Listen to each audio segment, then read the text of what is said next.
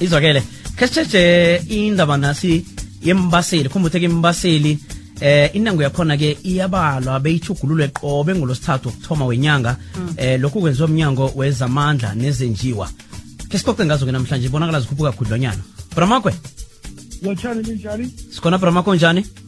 Sithi namkatakata nasinango yembaseli yakhuphuka For the reason sibona yaphezulu is because sibona iprice ye-oli ikhuphuka from 73 dollars to 74 and futhi futhi sibona irent yethu iluza amandla kakhulu. Angazi abantu ba-aware ukuthi iranda ngojulayi ngeyafika lapha lapho i-14 rand 99 so iranda ukuthi iluze amandla lokho ne- neprice ye-oli busy yaphezulu yenza ukuthi i-oli masiyithenga from outside ibe more expensive. That is why sibona ikhuphuka. And futhi ugovernment ufake enye levy bayibiza i-state levy.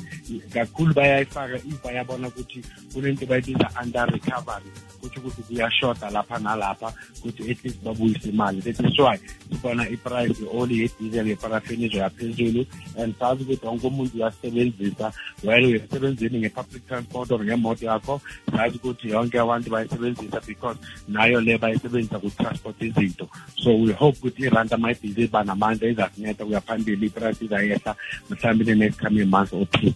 Siyathokoza. Sithokozile bramagwe eyi tera. Siyenhlokweni zendaba ukhona uthabzo ngemva kwazo